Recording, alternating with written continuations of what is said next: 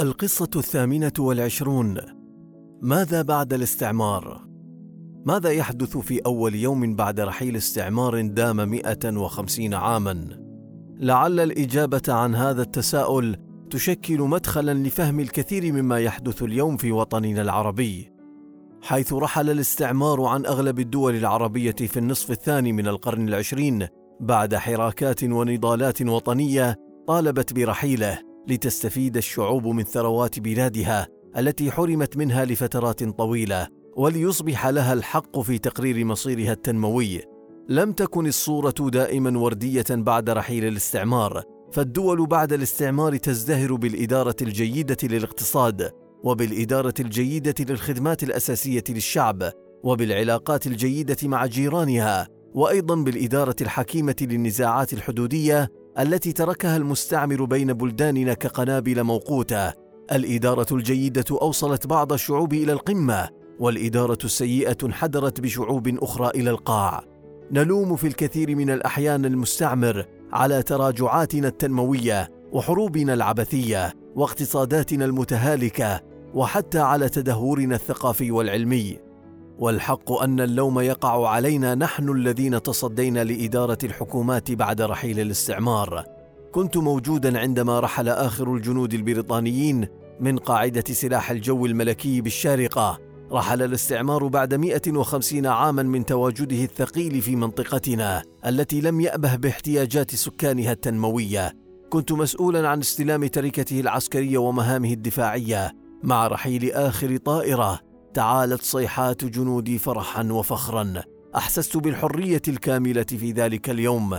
الحرية الكاملة في إدارة شؤون بلادنا الداخلية والخارجية السياسية والدفاعية الاقتصادية والتنموية.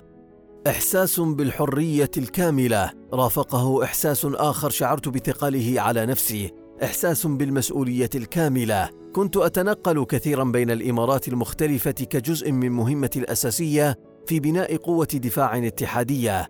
كانت الأوضاع سيئة بالنسبة لعدد كبير من مواطنينا وخصوصا أولئك ممن يعيشون في الإمارات ذات الموارد الأقل. كان الناس يضطرون لشرب المياه غير النظيفة من الآبار مما أدى إلى ارتفاع معدلات الوفيات بين الأطفال. لم يكن لدينا عدد كاف من المدارس والمستشفيات. لم نكن نمتلك شبكة طرق جيدة تربط بين إماراتنا. كنا ننظر إلى المياه النظيفة والكهرباء كنوع من الكماليات والترف. عندما اعلنا الاتحاد سرت روح جديدة بين المواطنين. روح تواقه للتغيير.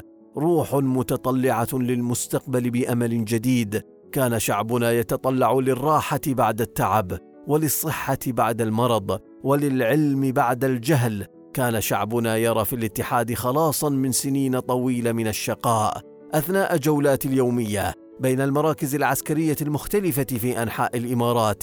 كنت حريصا على لقاء العديد من العائلات والجلوس معها. كانت لدينا مؤن جيدة وكنت أوزعها على تلك العائلات.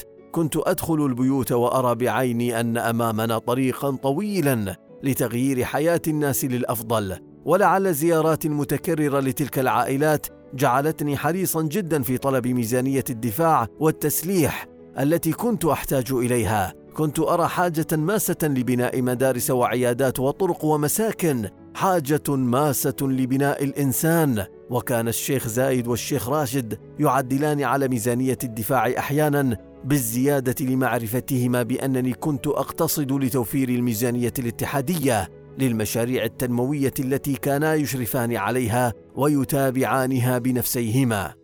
كان زايد وراشد يريان ما أرى ويعرفان احتياجات المواطنين أكثر مني لذلك تركا لي معركة بناء قوة الدفاع وتفرغا لمعركة التنمية. لأنها الأهم. لا يمكن لأي دولة أن تنظر إلى قوتها العسكرية على أنها أهم من رفاهية شعبها وراحته. قد يبدو قولي هذا غريبا بصفتي وزيرا للدفاع ولكن إن لم يتم تحقيق التوازن ستصبح مسؤولية الجيش الدفاع عن مجموعة من المواطنين التعساء والأراضي الجرداء. إن السر وراء عظمة أي دولة ليس في نفوذها العسكري بل في قوتها التنموية. انظر اليوم إلى دولة مثل كوريا الشمالية تتحدى العالم بقوتها العسكرية ولكن شعبها فقير فقير حد الجوع أحيانا. وانظر إلى دولة مثل كوريا الجنوبية أو اليابان لا تملكان جيشا كبيرا لكن اقتصادهما يجعلهما في مصاف الدول الكبرى التي تسعى جميع الدول إلى إقامة علاقات متميزة معها.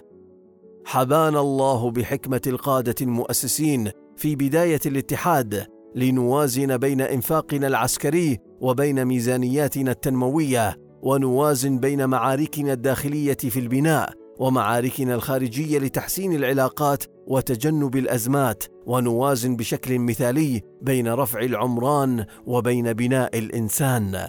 اليوم التالي لرحيل المستعمر هو اليوم الذي تحدد فيه معركتك التالية. بعض الدول اختارت المعركة الخطأ ورحمنا الله بزايد وراشد ليختارا المعركة الصحيحة.